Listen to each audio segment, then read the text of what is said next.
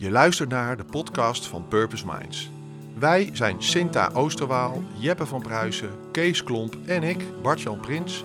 En de afgelopen jaren hebben we veel verhalen mogen horen van mensen die zich op de een of andere manier inzetten voor een betere wereld. Het is inmiddels geen geheim meer dat de leefbaarheid op aarde onder zware druk staat. En als een van de belangrijkste oorzaken zien en horen we telkens weer dat ons huidige economische systeem daar een grote rol in speelt.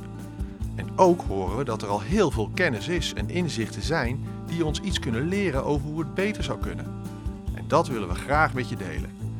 In deze podcast delen grote denkers hun waardevolle Purpose Minds breinen met alles wat bij kan dragen aan een toekomstbestendig alternatief, aan een betekeniseconomie. Elke aflevering sluiten we af met een vraag of een opdracht aan jou, zodat je meteen aan de slag kan met de nieuwe kennis en inzichten. Iedereen wil natuurbescherming. En toch spreek je met een CEO van, van een of ander groot bedrijf die, een, die zelf prachtig woont in de natuur, bijvoorbeeld in het Gooi. Nou, waarom zijn de huizen duurder in het Gooi? Omdat ze in de natuur staan. En ondertussen moet hij de volgende dag een besluit nemen om 20.000 hectare te kappen in Borneo. In deze aflevering spreken we met Willem Verweda. Willem is een Nederlandse ecoloog, natuurbeschermer en ondernemer. En hij is initiatiefnemer en directeur van Common Land. Een organisatie die zich wereldwijd bezighoudt met het stimuleren van duurzame ontwikkeling door het herstel van grote gedegradeerde gebieden. In deze podcast neemt Willem ons mee op een holistische reis door de wereld van het regenereren van gebieden. Gebieden weer leefbaar maken voor alles en iedereen. Willem deelt zijn kennis over hoe je dat op een effectieve manier kan aanpakken. Hij vertelt over de Theory U-methode en over de Four Returns en de drie landschapszones. En over het maken van een puzzel van duizenden stukjes zonder dat je de voorkant van de doos bij de hand hebt. Willem is een echte purpose mind. Zoek een mooi natuurgebied op en ga er maar eens lekker voor zitten, of wandelen of fietsen. En we wensen je veel plezier en kennis en inspiratie toe. Natuurbescherming kost tijd. Eh, je kan met projectfinanciering kan je wel wat doen, maar het is, uh, eigenlijk ben je dan meteen al bezig met de volgende fase om, die weer, om daar weer financiering voor te vinden als je de eerste paar jaar bezig bent. Je moet denken in decennia. Uh, het gaat om verandering van mensen en hun houding. Het gaat natuurlijk heel erg om het verdienmodel daarachter. Dat is dat is negatief voor natuur. En uh, ja, die enorme krachten die erachter zitten, daar kan je met beperkte budgetten van een paar miljoen, zelfs miljard, toch relatief weinig doen. En als je uiteindelijk, en dat, die reis heb ik mee mogen maken, ook geprobeerd hebt om dit onderwerp bij grote corporates naar binnen te brengen. Dat heb ik gedaan tussen 2005 en 2012 bij IUCN. Dat is een programma dat heette Leaders for Nature. Uh, in Nederland begonnen, oh, daarna ook in India, in Brazilië en in Zwitserland actief geweest. Uh, in India bestaat het nog steeds. Uh, ben ik in gesprek gegaan samen met mijn collega's uit de natuurbeschermingswereld, internationaal en nationaal, om met die grote corporates eigenlijk een bewustwordingsproces op gang te brengen rond natuur en natuurbescherming en het belang daarvan. En het mooie was dat iedereen dat ook wel zag, maar dat ze zo in zo'n systeem zaten met het creëren van maximalisatie van aandeelhouderswaarde, dat, uh, ja, dat ze uiteindelijk toch moeite hadden om daar echt iets mee te doen. Behalve soms wat geefgeld uh, geven. Maar dat is ook weer projectgeld. En zoals ik al zei, dat is heel belangrijk en ook zeer noodzakelijk. Maar het is, uiteindelijk leidt dat niet tot het vergroten of het echt lange termijn beschermen van natuur. Dan heb je natuurlijk een ander soort systeem nodig. Je hebt krachtige overheden nodig met lange termijn visie die ervoor staan om die natuur, wat natuurlijk misschien wel het belangrijkste aspect is van onze economie, hè, dat houdt onze economie draaiende, om dat, om dat duurzaam te krijgen. En zo'n nieuw systeem met een gezonde balans en connectie tussen economie en ecologie is er natuurlijk niet van vandaag op morgen. Daarvoor is een brug nodig, van hier naar daar, van nu naar dan. Kan ik de brug maken tussen de mensen en de dieren en planten die wonen in zo'n gebied? En die brug maken van de partijen die invloed hebben op zo'n gebied, vaak negatief, um, uh, omdat ze er verder vanaf staan, moet je denken aan financiers, overheden en bedrijven, uh, om daar anders mee om te gaan. Nou, dan gaat het om taal, dan gaat het om ja, realiteitszin, hè, wat is nodig in zo'n gebied. en het gaat natuurlijk ook om geld en het gaat om tijd. En om die belanghebbenden in gebieden goed te kunnen begrijpen, stelt Willem twee vragen.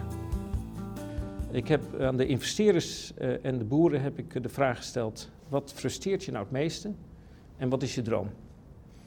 En de landen waar ik gereisd ben waren zeg maar, op het platteland.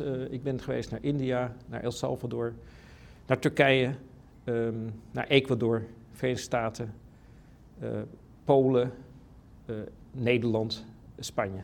Investeerders heb ik bezocht in New York, in Londen, Frankfurt en Nederland. En dat waren vooral institutionele investeerders, dus pensioenfondsen en dat, uh, de mensen die daar werkten. Pak boeren, die eigenaar waren van grond. En het antwoord op de eerste vraag, wat is je grootste frustratie, was dat ze het land niet in een betere conditie konden geven aan de volgende generatie. En hun droom was, uh, dan heb ik het over de boeren, is dat zij eigenlijk ja, beter betaald wilden worden voor hun producten, meer waardering wilden hebben uh, voor wat ze, aan het, wat ze aan het doen waren. En eigenlijk ja, in het landschap echt een, een, toegevoegde waarde willen geven die ook de natuur betrof. Maar zij konden het niet altijd zo goed verwoorden, zoals ik nu zeg. Maar daar, ze wilden gewoon een mooier en een groener gebied. Ze wilden bijdragen in plaats van alleen maar nemen. Maar ze werden gedwongen vaak om te nemen. Interessant was dat de investeerders, die hadden, uh, toen ik de vraag stelde van frustratie, wat frustreert je het meeste? dan was het antwoord eigenlijk enerzijds dat zij geen pijplijn hadden van echt duurzame projecten. Alle projecten die ze hadden, die waren een beetje minder slecht, een beetje minder uitstoot, een beetje minder dat, een beetje minder dat. Um, en het tweede was dat zij, een, dat zij conflict hadden met de volgende generatie, met name hun kinderen. Het waren vaak mensen van, uh, ja, van een leeftijd, die, die, kinderen hadden in leeftijd van, van zeg maar begin 20 of vanaf uh, puberteit en dan in 20. En die, uh, eigenlijk wat ze deden, die namen het hun vader of hun moeder kwalijk dat ze zoveel geld verdienden over de ruggen van anderen, want ze keken wel verder. En met name over de ruggen van de volgende generatie. Dus zij kwamen ook daarmee in conflict. En dat was echt wel hun grootste frustratie. Misschien was dat wel de grotere frustratie dan alleen die pijplijn. Ze hadden echt zielepijn. En ten aanzien van hun droom was natuurlijk ja, dat ze echt pijplijn konden vinden, dus projecten konden vinden die plus-plus waren. Hè? Dus die niet alleen minder slecht waren, maar vooral regeneratief of herstellend waren. Nee, wat, dus wat mij bijbleef van die gesprekken is dat er een aantal woorden steeds werden gebruikt, uh, internationaal. En dat was het woord risk, risico, en het woord return. Zowel bij de boer, risico, klimaat, droogte, etc. Uh, uh, maar ook natuurlijk bij de investeerders. en return, ja, oogst, geld, het werd natuurlijk meestal gebruikt in de vorm van geld. Maar met name het woord return sloeg bij mij zo aan. Dat heb ik toen getest. Ik heb het getest in allerlei landen. Is dit nou het woord waar ik echt iets mee kan? En toen dacht ik uiteindelijk ja. Ik weet nog heel goed dat ik dat. Ik had mijn hele verhaal rond en toen zocht ik nog steeds naar die woordkeuze. En toen kwam het woord return binnen. Van dat, ik moet wat met dat woord. En, toen, en iedereen weet dat uh, duurzaamheid gaat over allerlei waarden. En het gaat om waardecreatie van allerlei soorten waarden. En het gaat natuurlijk om biodiversiteit. En het gaat om mensenrechten. En het gaat om daar heel veel zaken. Sociale, geen kinderarbeid, noem maar op. Toen ben ik, ben ik weer teruggegaan naar mijn verhaal. En gekeken wat gebeurt er nou echt in die gebieden. En kan ik dat zo framen dat iedereen dat begrijpt. En als je dan goed kijkt naar wat er in die gedegradeerde gebieden gebeurt. En dat maakt niet uit waar dat is dan zie je dat uh, mensen wegtrekken omdat uh, eigenlijk het bos wordt gekapt, omdat de natuur vernietigd wordt, omdat de landbouw steeds slechter gaat, of omdat de landbouw van kleine, kleinschalig overgaat in grote monocultures, waardoor er minder mensen nodig zijn. Dus gebieden, gebieden trekken leeg en mensen verliezen eigenlijk hun trots. Je zou ook kunnen zeggen hun cultuur. Dus dat is één, het is het eerste verlies.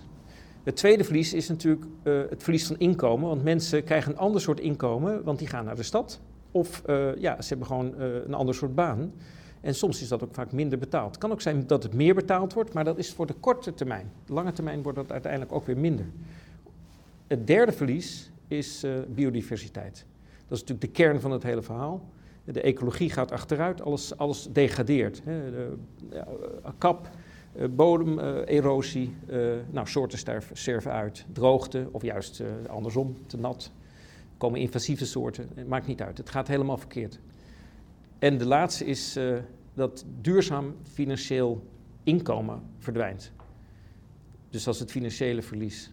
Nou, en die, die vier verliezen, dat bracht mij op het idee, dan ga ik daar een ommekeer brengen. Dan gaan we het hebben over vier returns. En dan kan je die vier returns ook uitleggen aan de hand van risico's.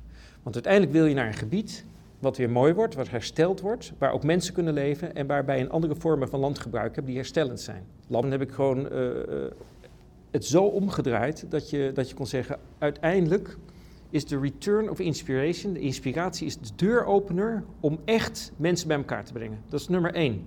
Zonder die, en die kan je een waarde geven, die kan je ook meten, zonder die krijg je eigenlijk de handen niet op elkaar in een gebied. De tweede is natuurlijk, je moet weer banen genereren, banen creëren. En dat zijn misschien hele andere soort banen dan die er waren. De social return noemen we dat. En de derde is, ja, dat is mijn vak, biodiversiteit. Herstel, behoud, beheer van natuur. Of zoals ik het dan vaak in het Engels zeg, uh, uh, protect, connect, restore. En de laatste is de return van duurzaam financieel rendement. Dat is wat anders dan maximalisatie van return on investment per hectare, wat dus het huidige model is. Het huidige model, maximalisatie van winst per hectare, leidt tot vier verliezen, zou je kunnen zeggen. En maximalisatie van vier returns per landschap, dan hebben we het over honderdduizenden hectare, want je kijkt naar gebied, leidt tot, uh, ja, leidt tot duurzaam uh, rendement en lage risico's. Dus hier krijg je het schuifje van, uh, als je die, met die vier returns gaat werken, gaan de risico's omlaag en gaan de returns omhoog. En ook het financieel rendement omhoog. Er zit natuurlijk een component bij, en dat is tijd. En ja, dan komt weer, wat, waar ik het net over had, het verschil tussen project en proces naar boven. We hebben het hier over een lange termijn. We hebben het hier over generaties. Ik heb op een gegeven moment gezegd, ik wil die vier returns, die vier vormen van impact, wil ik, binnen een, wil ik vanaf een periode van 20 jaar wel kunnen realiseren. Want je hebt te maken met twee moeilijke factoren, mensen en ecologie. Die zijn niet altijd even voorspelbaar, maar binnen 20 jaar kan je heel veel doen. Te maken met twee moeilijke factoren, mensen en ecologie. Die zijn niet altijd even voorspelbaar, maar binnen 20 jaar kan je heel veel doen. Dus vier returns worden geleverd in een periode van 20 plus jaar. Maar hoe doe je dat nou in een gebied zelf? En dat is dan de vervolgstap. Ja, dan moet je gaan kijken naar, uh, naar uh, en dan komt, ja, dan komt toch het vak van ecologie naar boven, naar zonering. In die systeemverandering is prioriteit nummer één is conservation, natuurbescherming. Want dat is de goedkoopste manier van alles. Dat, uh, en, en, en dat is ook de snelste manier. Behouden wat je nu hebt. Gewoon heel, heel simpel. De tweede is natuurlijk dat je moet gaan herstellen. herstellen. Dan kom je toch in de zonering. Die natuur moet aan elkaar verbonden worden, want dan heb je, dan heb je leefbaarheid. En de derde is, wat geen natuur is, maar uh, landbouw en, en, chemische landbouw, monocultuur, dat moet omgezet worden in regeneratieve landbouw. Dus dan kom je in die combine zone uit. En wat ik bij IUCN uh, tegenkwam is, uh, en dat had niks met IUCN te maken, maar meer met mijn eigen eh, evolutie, zeg maar, interne uh, groei zou ik kunnen zeggen, is dat je uh, een organisatie hebt die helemaal die gericht is op natuurbescherming, maar tegelijkertijd zo breed is en zoveel componenten. Ik bedoel, het is een enorm, het is de grootste natuurorganisatie ter wereld. Hè? Dus het is echt wel, het is een moederorganisatie van WWF en zo. En, en dat je al die, al die concepten die daar ontwikkeld zijn, die heb ik samengebracht in dat for returns model.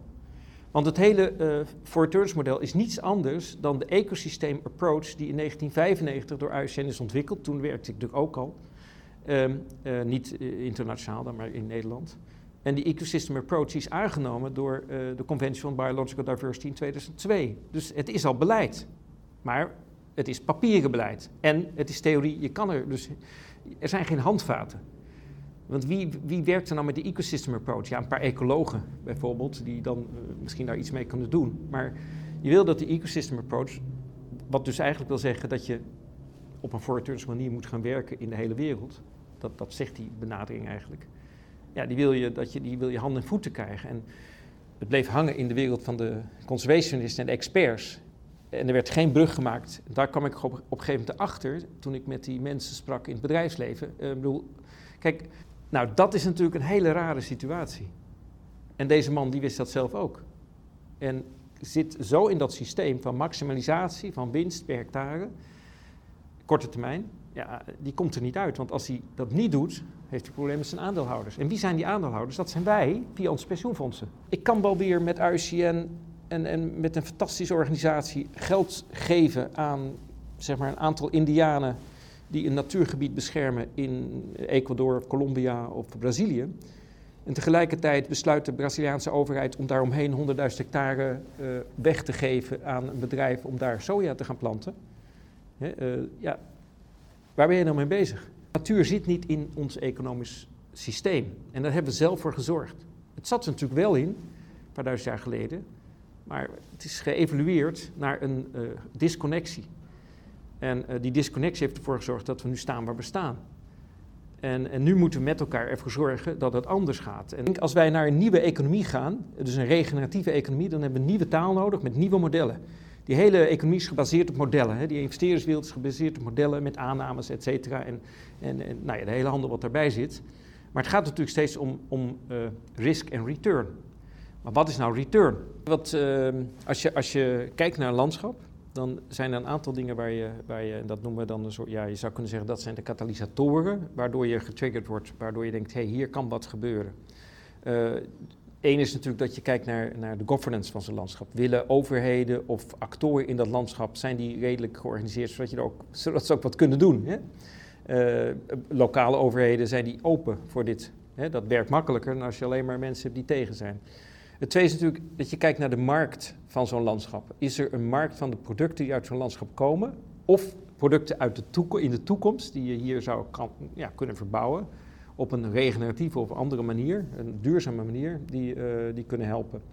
Uh, en derde is natuurlijk dat je kijkt naar de ecologie. Misschien is dat wat allereerst natuurlijk, ik kijk als allereerste daarnaar, naar de ecologie van dat systeem. Is het één systeem? Is het één, ja, zou, liefst gebruik de term, is het één ecosysteem? Uh, maar in ieder geval is het één, het kan ook een, een, een water catchment zijn, zoals we dat dan noemen, één gebied, wat een redelijke eenheid is, omdat je dan sneller kan schakelen. Omdat je dan in de ecologie stappen, ja, uh, drukpunten kan hebben waar je op kan drukken, projectjes kan doen, waardoor een versnelling optreedt. En dat is erg belangrijk, want daarmee bespaar je kosten en heb je gewoon veel sneller het systeem weer op poten. En over het op poten hebben van een ecosysteem zijn natuurlijk heel veel discussies. De echte diehards van de ecologen die willen het liefst het oerbos terug. Maar dus, dus daar heb je ook nog een hele, een hele differentiatie in. Maar ik kijk naar de functies van die ecologie. Kan je die weer helpen uh, ja, kickstarten, zeg maar. Nou, en en uh, als laatste van die, van die categorieën is, uh, is het belangrijk dat je, als je ergens gaat beginnen, dat je ook toegang hebt tot financiering. je wil eigenlijk, als je in zo'n gebied begint, er zijn vaak al heel veel actoren actief in zo'n gebied, dan wil je vertrouwen kunnen bouwen. En vertrouwen bouwen kost tijd. En wil je dat doen, heb je mensen nodig en dat, dus, dat kost dus geld. Ik noem dat procesgeld. Procesgeld is een belangrijke voorwaarde. Dat zijn niet mega grote bedragen als je kijkt naar een heel groot gebied. Hè, want wij denken altijd aan gebieden boven de 100.000 hectare. Dus dan moet je toch denken aan gebieden nou, zeg maar boven, als je het in Nederland hebt, eh, ter grootte van de provincie Utrecht. Die is al, dat, dat is dan wat groter. Uh, maar dat zijn de gebieden waar je het over moet hebben. Dus uh, des te groter des te, en des te meer een ecologische eenheid, des te sneller je uh, de juiste keuzes kan maken in zo'n gebied. We gedaan hebben in de afgelopen jaren, hebben geleerd, die four returns die kunnen we meten. Daar hebben we ook een, een, wat we, zeg maar, een monitoring evaluation schema op zitten. ik kom zo nog terug op het zoneringsverhaal. maar om die, om die, je moet ook stappen maken in het proces met mensen. En de eerste stap is eigenlijk is er een, zijn er mensen actief die vanuit die landschap, manier van denken, aan, ja, die, die vanuit een landschapvisie kunnen denken? Uh, dat, wij noemen dat een landschappartnership. Is er een landschappartnership? Dat kunnen zijn lokale NGO's, dat kunnen zijn gemeentes, kunnen zijn boerengroepen. Uh, uh, het kunnen ook natuurlijk nog beter als ze al samen actief zijn op dat terrein. Dat is stap nummer één, landscape partnership. De tweede is, met dat landscape partnership ga je in een sessies met elkaar een soort co-creatiesessie, ga je een visie voor dat hele gebied ieder, ja, bespreken. En dan bedoel ik echt een lange termijn visie. Hoe ziet dat gebied er over 50 jaar uit? Wat is je droom? Ja, als je die droom hebt uh, neergezet, die visie, je wil over 20 of 30 jaar daar zijn, welke stappen moet je dan maken om daar te komen? Ja, en dan ga je echt met de kaart op de grond zitten en kijken, ja, maar wat betekent dat dan voor dit gebied? Zo'n co-creatieproces richting een, een gebiedsvisie, um, dat, kan je, dat kan je eigenlijk niet doen als je, uh, je, ja, als je je eigen agenda en je eigen ballast meeneemt. Als je niet open in zit. natuurlijk, iedereen heeft een bepaalde mening. of, of, overheden en, en, bedrijven komen met een aantal dingen op tafel van ja, maar dat wil ik realiseren en dat moet daar en dat moet daar. Maar je moet, in zo'n proces moet je proberen dat even van je af te schudden. Dat rugzakje even naast je neer te zetten. Dat kan wel weer terugkomen. En in alle openheid met elkaar uh, vanuit een gemeenschappelijke droom dat punt op die horizon te zetten. Nou, en dat, dat is niet makkelijk, dat kost tijd. Het interessante is, als je dat niet doet, dan gaat het heel veel geld kosten later. Als je het wel doet, dit is risicomanagement eigenlijk, uh, dan, uh, dan breng je het risico van zo'n gebied, wil je het gaan ja, zeg maar regeneratief maken, of, of, of, uh, wat wij dan noemen op een for returns aanpakken, realiseren, ehm, dan breng je dat risico omlaag, dus ook kosten omlaag. Dus het, is, het lijkt misschien van, oh, het kost veel tijd, het is vaag, het is zweverig of wat dan ook. Het is niet zo. Het is eigenlijk een waanzinnig goede businessmanier om met elkaar naar een gemeenschappelijke oplossing te gaan. En dat betekent dus gewoon uiteindelijk verlaging van kosten verlaging van het risico. Dus vergroting van, ver, vertoename van het succes, omdat je meer draagvlak hebt. En dat proces moet je blijven herhalen gedurende de tijd. Dus je creëert een landschap partnership dat werkt met die U-methode gedurende jaren achter elkaar. Want ja, uh, mensen komen, mensen, mensen gaan en mensen komen in zo'n gebied. Dus je moet mensen erbij blijven houden bij, bij deze aanpak. In zo'n in zo'n U-proces wordt er eigenlijk van je gevraagd om eerst eens even heel goed naar jezelf te kijken. En, en ja, ook, ook in te voelen waar je zelf staat als mens. En dat, uh, dat maakt zo'n proces echt heel anders. Hier komt, hier komt je eigen zingeving naar boven. En als je zingeving, uh, als je daar niet goed bij kan komen, dan uh, helpen wij in dat proces om daarbij te komen. En dat, dat klinkt, eh, en dat doen we wel in het kader van het totaalplaatje waar we dan met elkaar aan werken.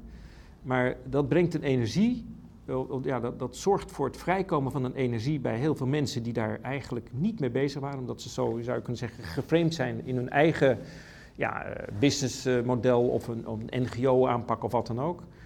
Um, dat dat heel erg bevrijdend werkt. En in die bevrijding, dat is het dieptepunt van de U, daar vindt de verbinding plaats naar die nieuwe naar het formuleren van, van die nieuwe droom, zou je kunnen zeggen. Deze methode die wordt overal in de hele wereld gebruikt. En uh, uh, we zien dat die overal werkt. Het maakt niet uit met wie, je, met wie je dit doet, hij werkt overal. En daarom hebben we ook gekozen voor deze aanpak. Om steeds meer terug te gaan van willen naar een universele aanpak. Met een universele methode die iedereen kan gebruiken. Want uiteindelijk willen we dat dit het nieuwe normaal wordt. En dat je dus een soort van methode hebt die ook iedereen kan gebruiken. Nee, dus, je hebt, dus in dat landschap heb je verschillende groepen. En de belangrijkste groepen zijn natuurlijk de, de, de, de, mensen die land hebben, landeigenaren, uh, boeren, uh, ondernemers, uh, maar ook bedrijven en gemeentes, en soms ook provincies of water, waterschappen, natuurorganisaties. En dan heb je natuurlijk, dat zijn de mensen in dat landschap, of de groepen in dat landschap, en dan heb je groepen buiten het landschap. Nou, wat je, je begint met het U-proces met de groepen in dat landschap. Maar tegelijkertijd maak je het verhaal ook, en doe je dat U-proces ook, naar de groepen buiten het landschap. En dat is de brug die we dan creëren uh, in, in ons taalgebruik, om die twee groepen met elkaar te verbinden. Soms zitten er een paar van die mensen die buiten het landschap actief zijn, wel in dat U-proces aan het begin, maar vaak niet. Vaak bouw je geleidelijk aan ook uh, uh, ja, dat soort gesprekken met, met die partijen daarbuiten. En dan kom je uiteindelijk uh, tot, een, ja, tot een geheel, waardoor uh, die twee groepen, dus de, buiten- en de binnengroep, zeg maar, in een verbinding komen om tot activiteiten te komen. Omdat ze begrijpen, omdat ze stappenplan begrijpen, omdat ze begrijpen wat de risico's en de returns zijn, omdat ze lange termijn begrijpen en omdat ze de waarderingsmethode, die we inmiddels ook aan het, steeds verder aan het uitwerken zijn, ook begrijpen. Dat is natuurlijk belangrijk voor de mensen uit de financiële hoek en uit de businesshoek.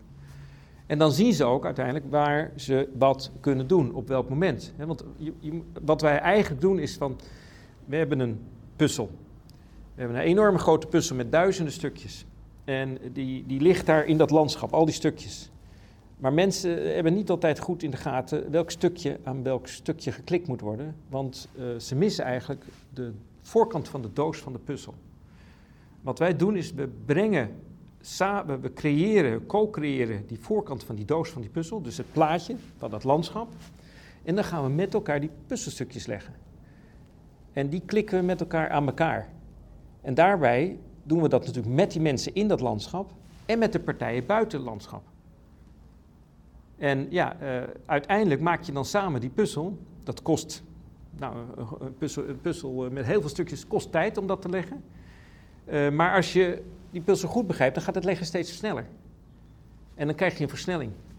Natuurlijk blijft de ecologie een beperkende factor, die gaat niet altijd veel sneller. Maar dat is wel eigenlijk wat we, wat we aan het doen zijn. Ja. Je, hebt, je hebt vijf processtappen, je hebt vier returns en je hebt uh, uh, een zoneringsaanpak. Om, het, om te laten landen wat je aan het doen bent, moet je begrijpen waar je wat gaat doen. Uh, nou, elk gebied in de hele wereld, zou je kunnen zeggen, is een ecosysteem. Er zijn heel veel ecosystemen in de wereld. regenwoud is er één, een, een, nou, een eiken, eikenbos is er een, is een ander, noem maar op. Maar dat is technisch, dat is wetenschappelijk. Wat ik heb gedaan is gewoon gekeken naar, ja, hoe kan je mensen nou helpen om te begrijpen hoe die natuur werkt en hoe dat interacteert, of afhankelijk, hoe, natuur en, en landgebruik van elkaar afhankelijk zijn. En wat betekent dan wonen en steden en hoe zit dat dan? Um, want die steden zijn ook afhankelijk van natuur, maar ja, dat merk je niet als je elke dag naar de supermarkt gaat. Dan, ja, dan is dat vanzelfsprekend. Maar dat er ergens natuur in een ander werelddeel wordt opgesoupeerd om jou die, uh, die boontjes te geven, dat, dat, uh, dat vergeet je dan. Dus ik heb gewoon gezegd, dan, uiteindelijk zijn er, heb ik dat teruggebracht naar drie zones. In elk gebied moet je een soort van balans vinden en ook begrijpen waar die drie zones liggen. Of waar je met die drie zones naartoe zou willen gaan. Nou, grofweg zou je kunnen zeggen, in de wereld zijn er twee zones. Je hebt een zone waar mensen wonen, werken en uh, die ze uitputten om landbouw of mijnbouw of oliewinning. Dat noem ik even de economische zone. En je hebt een zone waar nu nog oernatuur is of redelijk goed intacte natuur. Denk je maar aan bossen, het Amazonebouw, voor zover dat er nog is. Nou, er is gelukkig nog heel veel van over, et cetera. Uh, dat zijn de twee zones. In Nederland is het ook zo, twee zones. Maar je hebt ook nog een tussenzone die nu langzamerhand wat aandacht begint te krijgen. Ik heb dat de gecombineerde zone genoemd. Omdat je daar twee dingen doet. Je produceert iets en je, nee, je produceert twee dingen. Je produceert voedsel, energie of vezels, grofweg, of water. Uh, maar je produceert ook biodiversiteit. En die combinatie van die twee, biodiversiteit en zeg maar wat mensen nodig hebben, dat heb ik de gecombineerde zone genoemd. En die gecombineerde zone die is nu nog heel beperkt. Uh, en en in, in ons verhaal zou je eigenlijk willen dat zoveel mogelijk van die uh, productieve zone die nu bestaat uit uh, maximalisatie van winst dus, dus hele intensieve landbouw of mijnbouw of, of wat dan ook, dat je die wil omzetten in een zone waarbij je biodiversiteit produceert, en die producten produceert. En dan krijg je een duurzame productie. Wij noemen dat even heel kort door de bocht regeneratieve landbouw, of in Nederland noemen ze dat ook wel eens natuurherstellende landbouw of natuurinclusieve landbouw. Carbon farming wordt ook wel, uh, er worden allerlei termen voor gebruikt. Uh, maar ik vind zelf de, de vorm, ja, als je het naar een gebied kijkt, dan gaat het eigenlijk om de, om de combined zone. En die combined zone, die moet dus groter worden. In een gebiedsaanpak, omdat je nog steeds kijkt naar een ecosysteem, dus je moet ook heel goed kijken waar is dan die natural zone. Dat is de, het, dat is de zone waar natuur dominant is. En ook de functie van, de, zeg maar de functie van, die, van die natuurlijke zone is essentieel om die combined zone, maar ook die economische zone, want dat zijn steden en harde infrastructuur waar gewerkt wordt, waar, waar fabrieken staan en waar ook monocultuur nu nog in zit, dat die, uh, ja, die zijn van elkaar afhankelijk. Dus die zonering heb ik neergezet om duidelijk te maken in een gebied dat, uh, dat, mensen afhank dat wij afhankelijk zijn van natuur en van de producten die uit voortkomen. En dat op de korte termijn er niks aan de hand is, kan je die natuur helemaal wegwerken en kan je er een monocultuur van maken. Op de lange termijn loop je dan in de problemen. Tegelijkertijd wil je ook niet dat de hele wereld een combine zone wordt.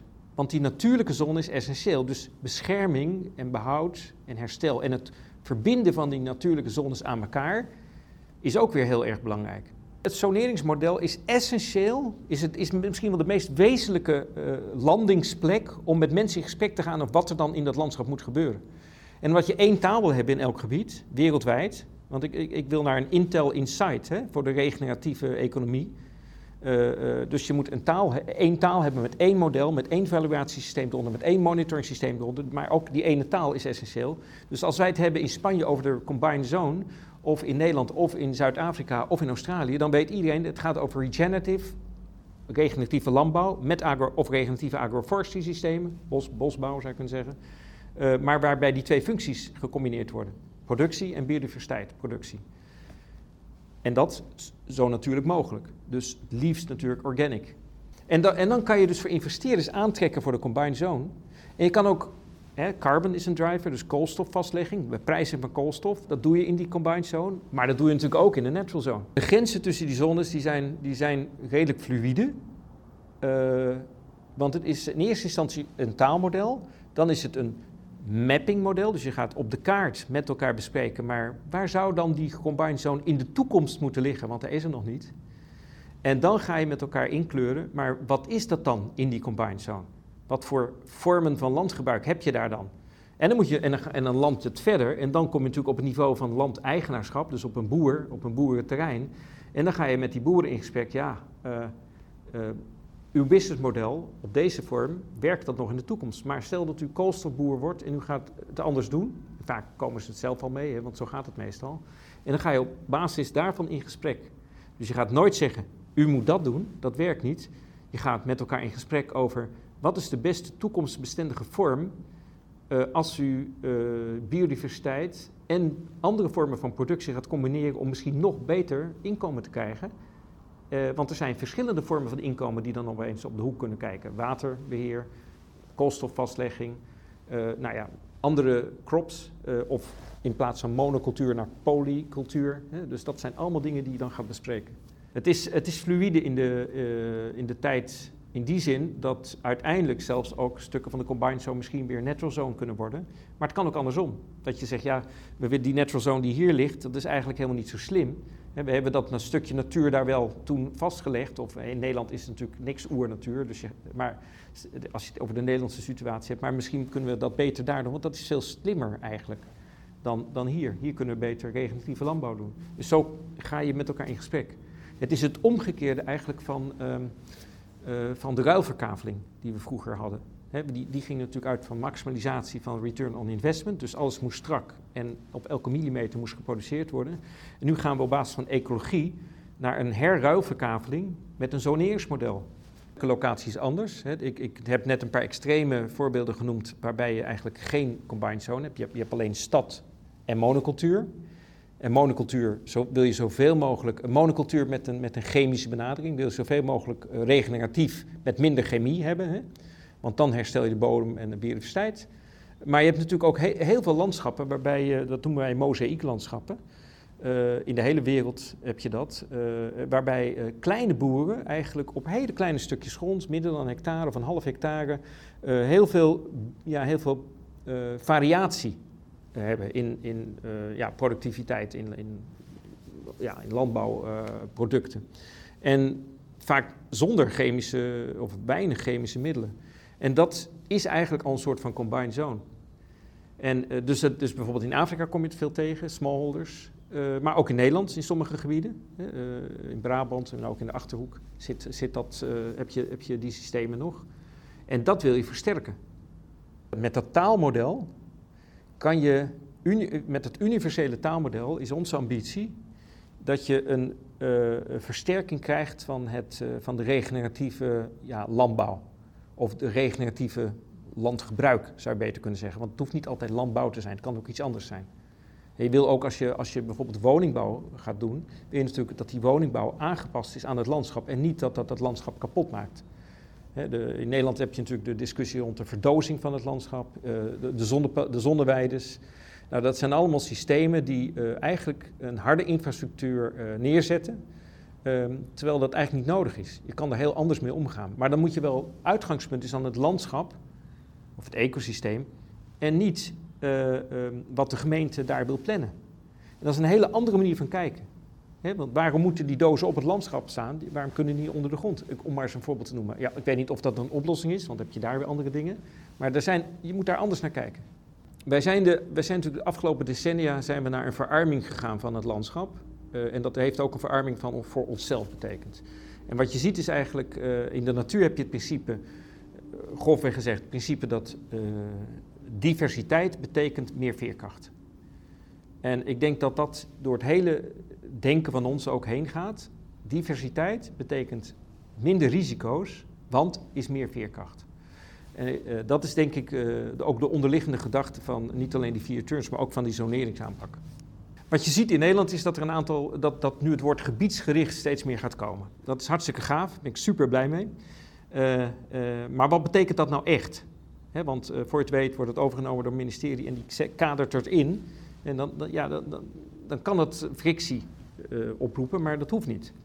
Maar zeg maar, wij zien die voorturns aanpak als een gebiedsgerichte, als een methode om een gebiedsgerichte aanpak te doen. En in Nederland zijn een aantal gebieden al mee bezig. We hebben het over het Veenweidegebied gehad met Weiland. Maar dat is dus zo'n voorbeeld waarbij je Nederland zou kunnen, ja, in een aantal gebieden zou kunnen opdelen die allereerst vanuit ecologie zijn geïdentificeerd. Dus niet vanuit een provincie of een gemeente, of een, een andere overheidslaag, maar vanuit de ecologie worden geïdentificeerd.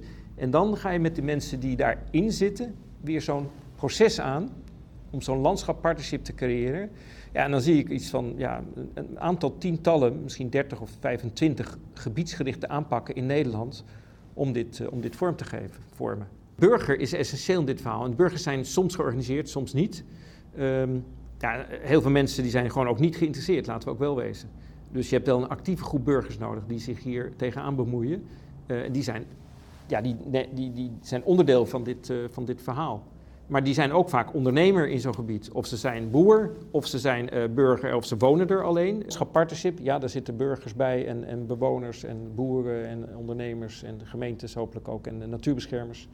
de tweede stap is, is het visieproces, Theory U hè, de common visie. Uh, derde is eigenlijk het actieplan maken met elkaar, lange termijn, uh, op, op de kaart. Dus dan komen de zones naar boven en waar doe je dan wat en wanneer en, en, waar begin je dan. Hè? En het vierde is, is um, het, het zoeken van de funding en het businessmodel erachter. En het vijfde is constant blijven leren. Naar monitoring, als we kijken naar het monitoren van een gebied, dan gebruiken we indicatoren die onder die four returns hangen. En die, eh, zoveel mogelijk meetbaar, maar ook redelijk simpel. want we zijn niet een. Uh, ja, het moet wel, mensen moeten het wel kunnen begrijpen en kunnen blijven volgen. dus als je kijkt naar de return of inspiration, dus de inspiratiereturn, dan, dan monitor je bijvoorbeeld hoe vaak komen mensen bij elkaar. Zijn, er, zijn er groepen die zich hiermee bezighouden? Nou, dat kan je allemaal. Je kan een aantal van die dingen gewoon meten. Uh, het is wel de meest lastig, lastige. We, zijn, we hebben net een artikel uh, zijn we erover aan het publiceren. Omdat dit de meest vage is. Tegelijkertijd, iedereen weet of er inspiratie is of niet. Je voelt dat. Je voelt al als je naar een feestje gaat. Als, je, en als, dat, als, als het er niet is op dat feestje, dan ben je ook snel weg. Dus dat, dat, is, een, dat is nummer één. Ja, social capital, dat meten we in die landschappen. en zijn die banen gerelateerd aan onze activiteit of niet? Soms lastig, soms is het indirect. Maar uh, we zien wel dat daar een, een groei plaatsvindt. Kost wel tijd. De return of biodiversity kan je ook meten. Je kan natuurlijk meten naar, je kan kijken naar vegetatie, je kan kijken naar soorten die terugkeren of die, die blijven. Uh, nummer, ja, aantal hectares die anders worden beheerd. Laatste fi financieel rendement, dan kijken we in eerste instantie naar, we kijken natuurlijk naar inkomens in dat gebied. inkomen vanuit investeerders, leningen voor bedrijven die we dan opzetten of die anders gaan werken. En, uh, maar ook bijvoorbeeld andere geldstromen. Uh, dat kan zijn uh, subsidies, dat kan zijn filantropie. En uiteindelijk kijk je, dat is een wat langere termijn, kijk je naar wat voor rendement gaat dit opleveren voor de mensen die daar gewoon werken en zijn. Dus dan ga je naar de waardecreatie kijken van het totale gebied.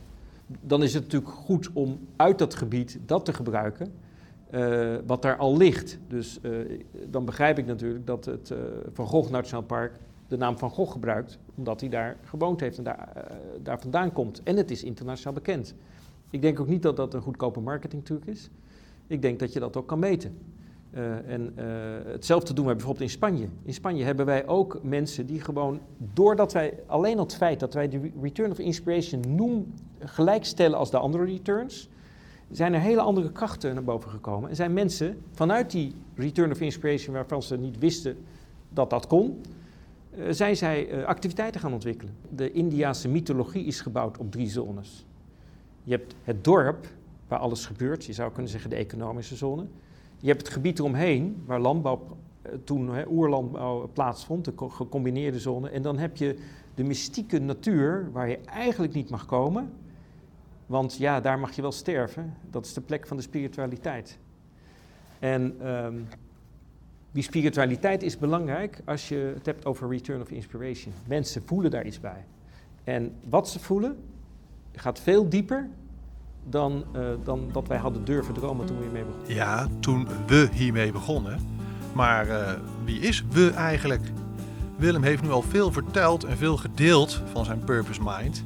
Maar wat voor organisatie is Common Lands nou eigenlijk? Wij zijn, je zou kunnen zeggen, een systeemontwikkelaar uh, van, van, van ja, holistische, systemische, herstellende landschappen.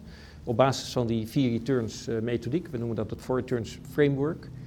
Uh, en uh, wat onze ambitie is, is dat dit het nieuwe normaal wordt.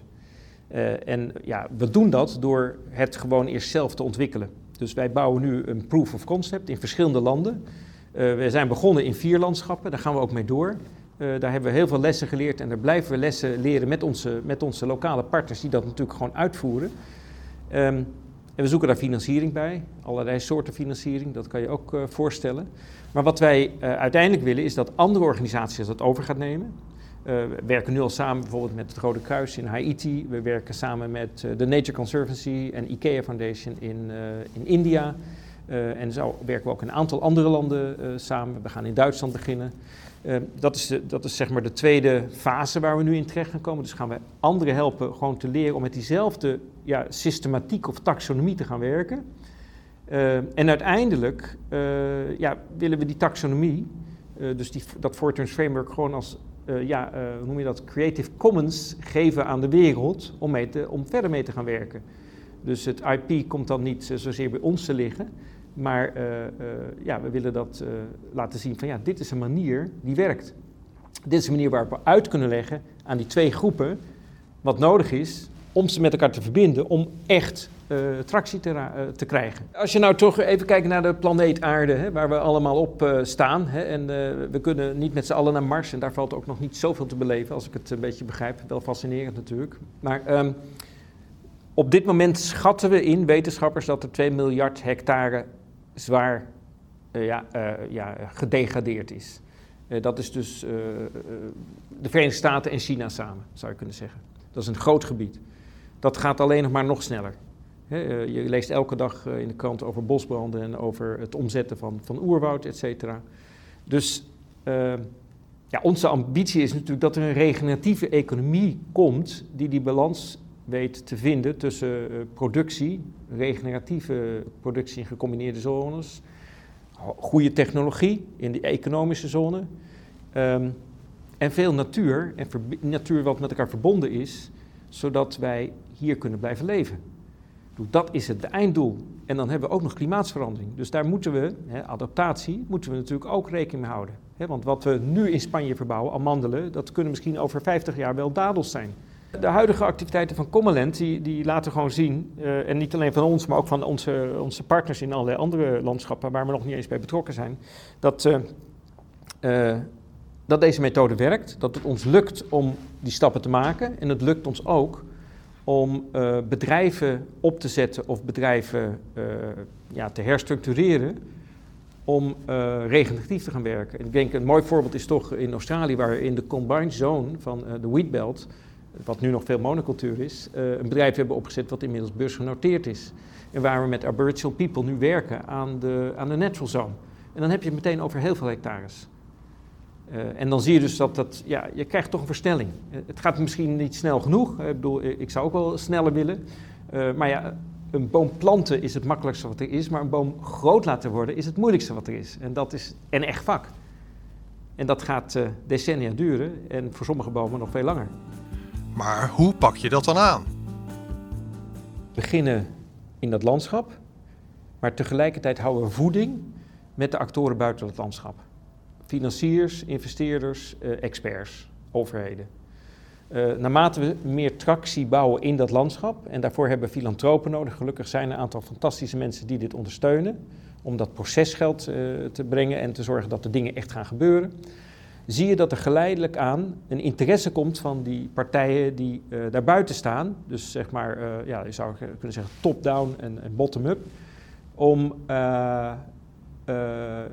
daar eens meer over te weten. Nou, omdat we een hele duidelijke taxonomie hebben, een hele duidelijke gestructureerde aanpak, kunnen we het makkelijker uitleggen aan die mensen die daar staan. Met als verzoek, ja, als je hier aan mee wil werken, dan moeten er hier knoppen veranderen. Dat is natuurlijk lastig. Die zijn vaak vastgelegd in wetgeving, ouder, ouderwetse wetgeving gebaseerd op maximalisatiegedachten.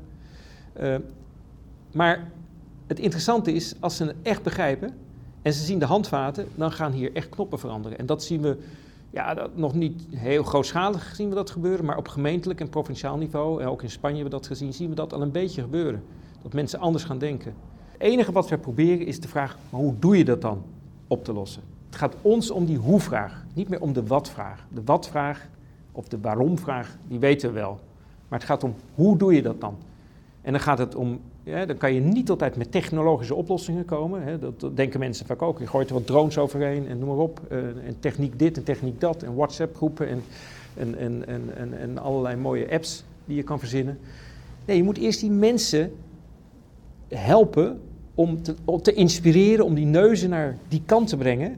En als je dat lukt met een duidelijke ecologische visie erachter en een productiviteitsvisie erachter die anders is, met een lange termijn, gebaseerd op trots en vertrouwen, dan krijg je die andere groep, de top-down zeg maar, groep, krijg je er ook bij.